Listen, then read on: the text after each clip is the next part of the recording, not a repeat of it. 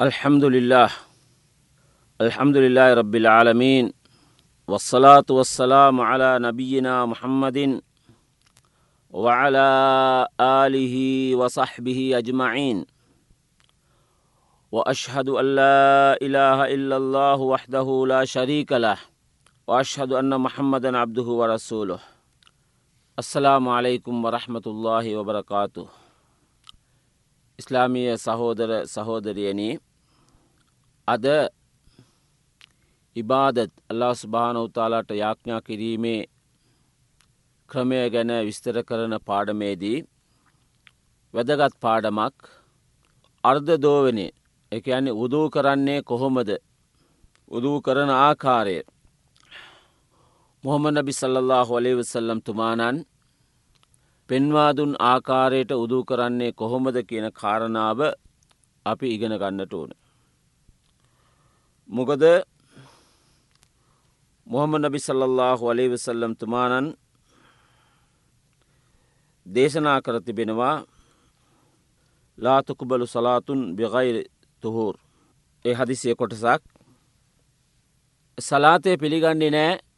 අපි හරියට උදූ කරේ නැත්නම්. පිරිසුදුකම නැතුව ඉටු කරන සලාතයන්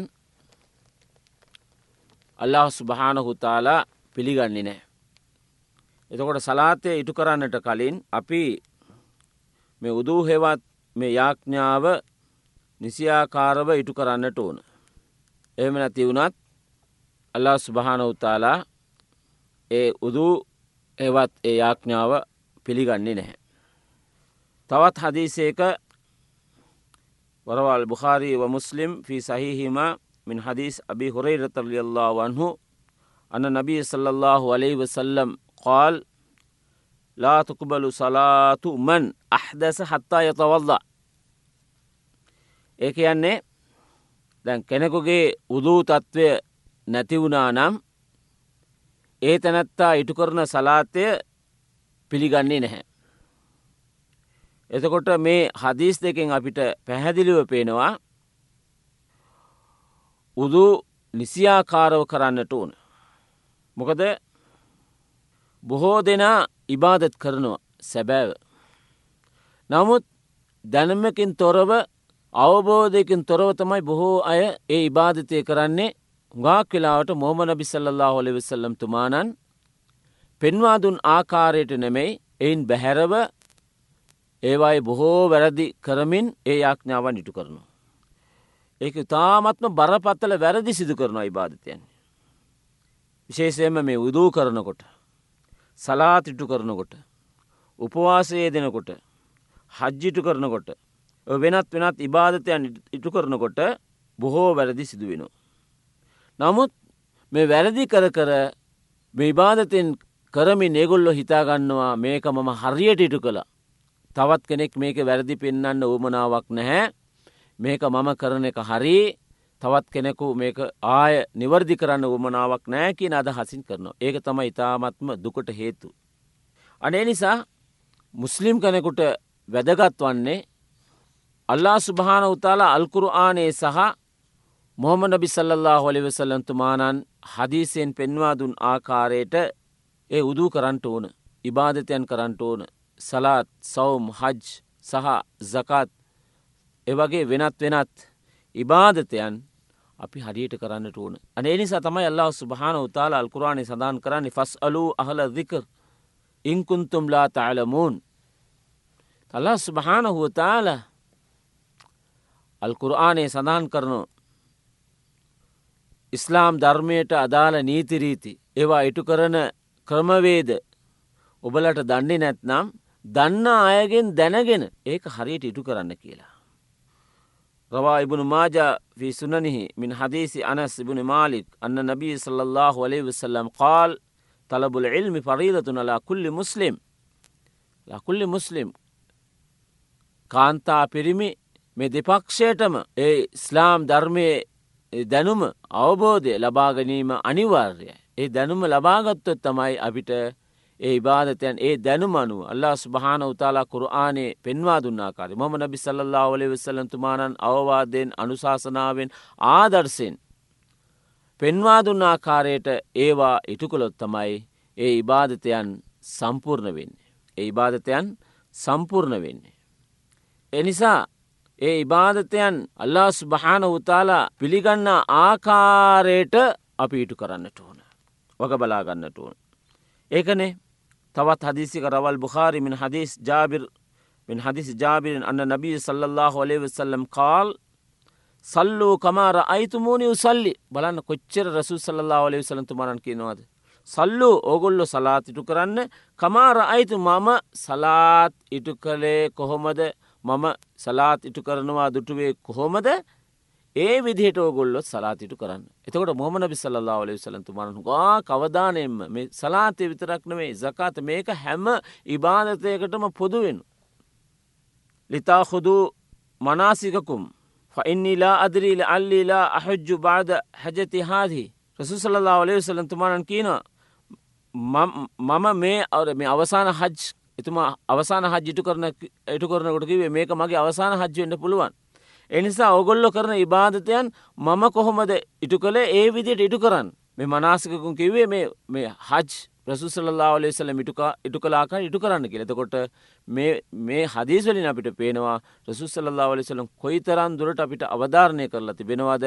එතුමානන් ඒ ඉබාධතයන් ඉටු කළ ආකාරයට අපේ ඉබාධතයන් ඉටු කරන්නට එතුමා අපිෝ පොළඹෝල තියෙන.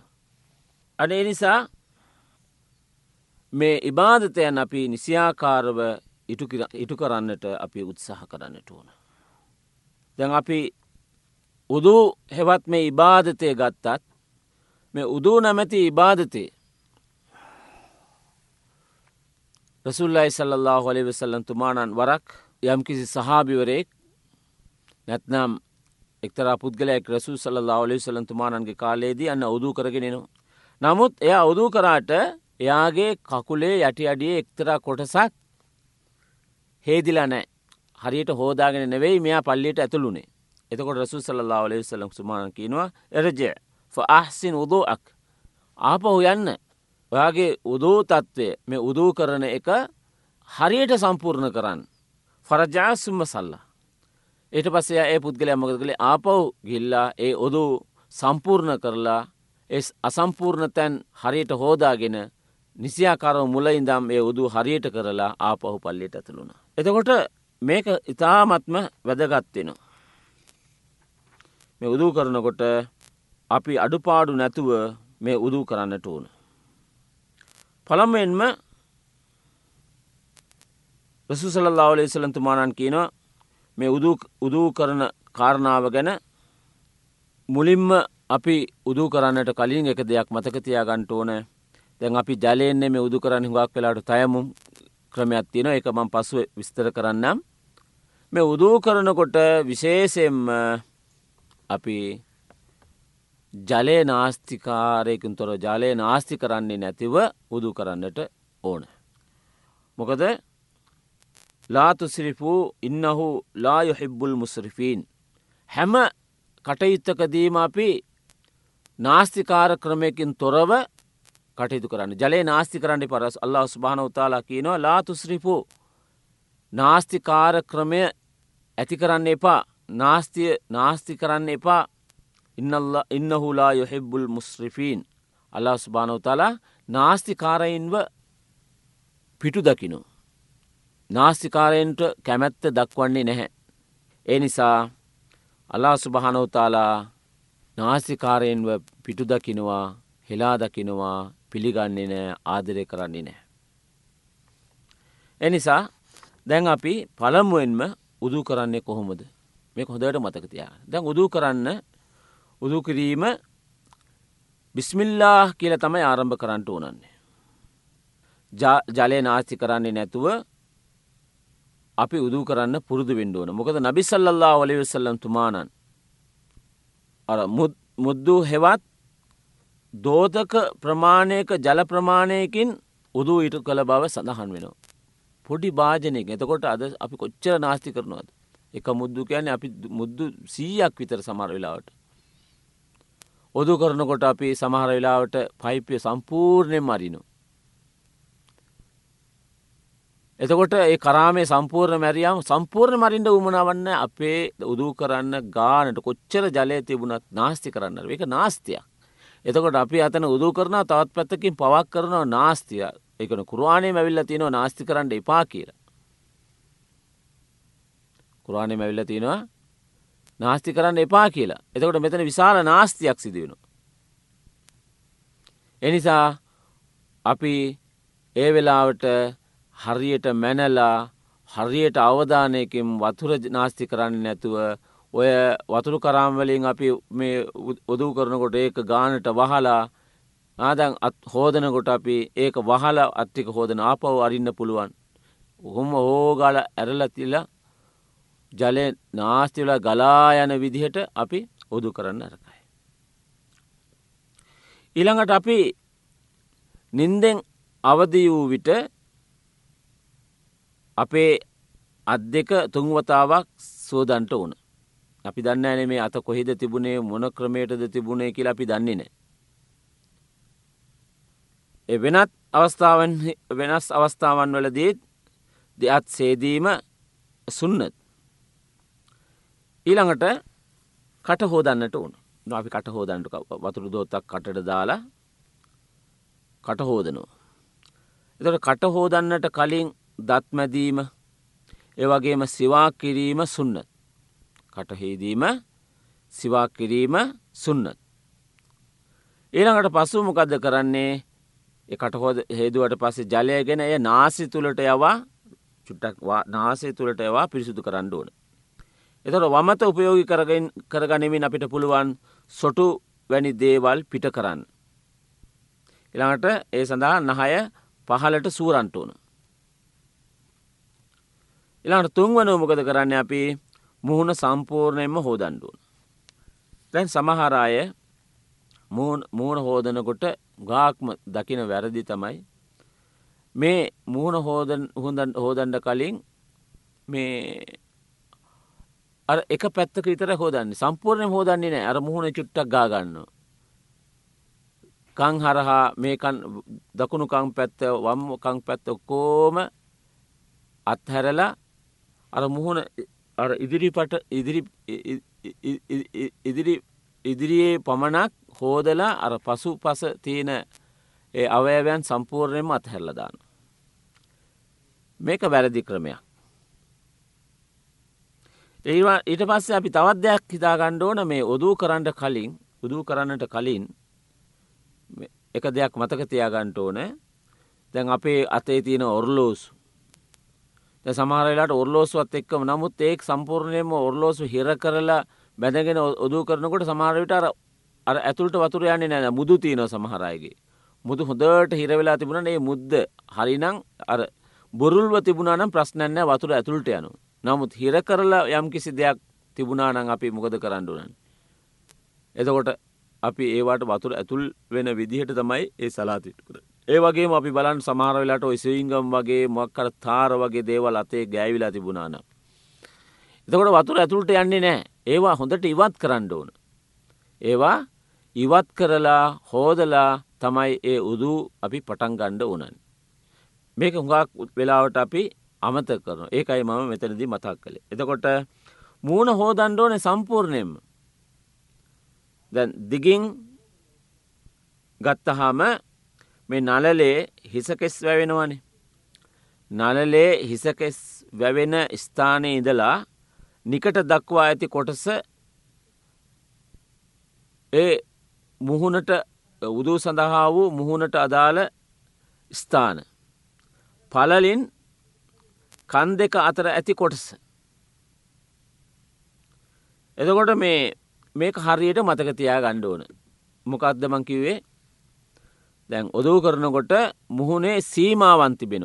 ඔදූ කරනකොට මුහුණේ සීමාවන් තිබෙනවා. දිගින් කොහොමද අපි මනින්නේ. නලලේ අර හිසකෙස් වැවෙන ස්ථානය ඉදලා නිකට දක්වා ඇති ස්ථාන. ඒ කොටස. ඊළඟට පලලින් දෙකන් දෙක අතර ඇති කොටස සම්පූර්ණයෙන්ම සෝදන්නට ඕන.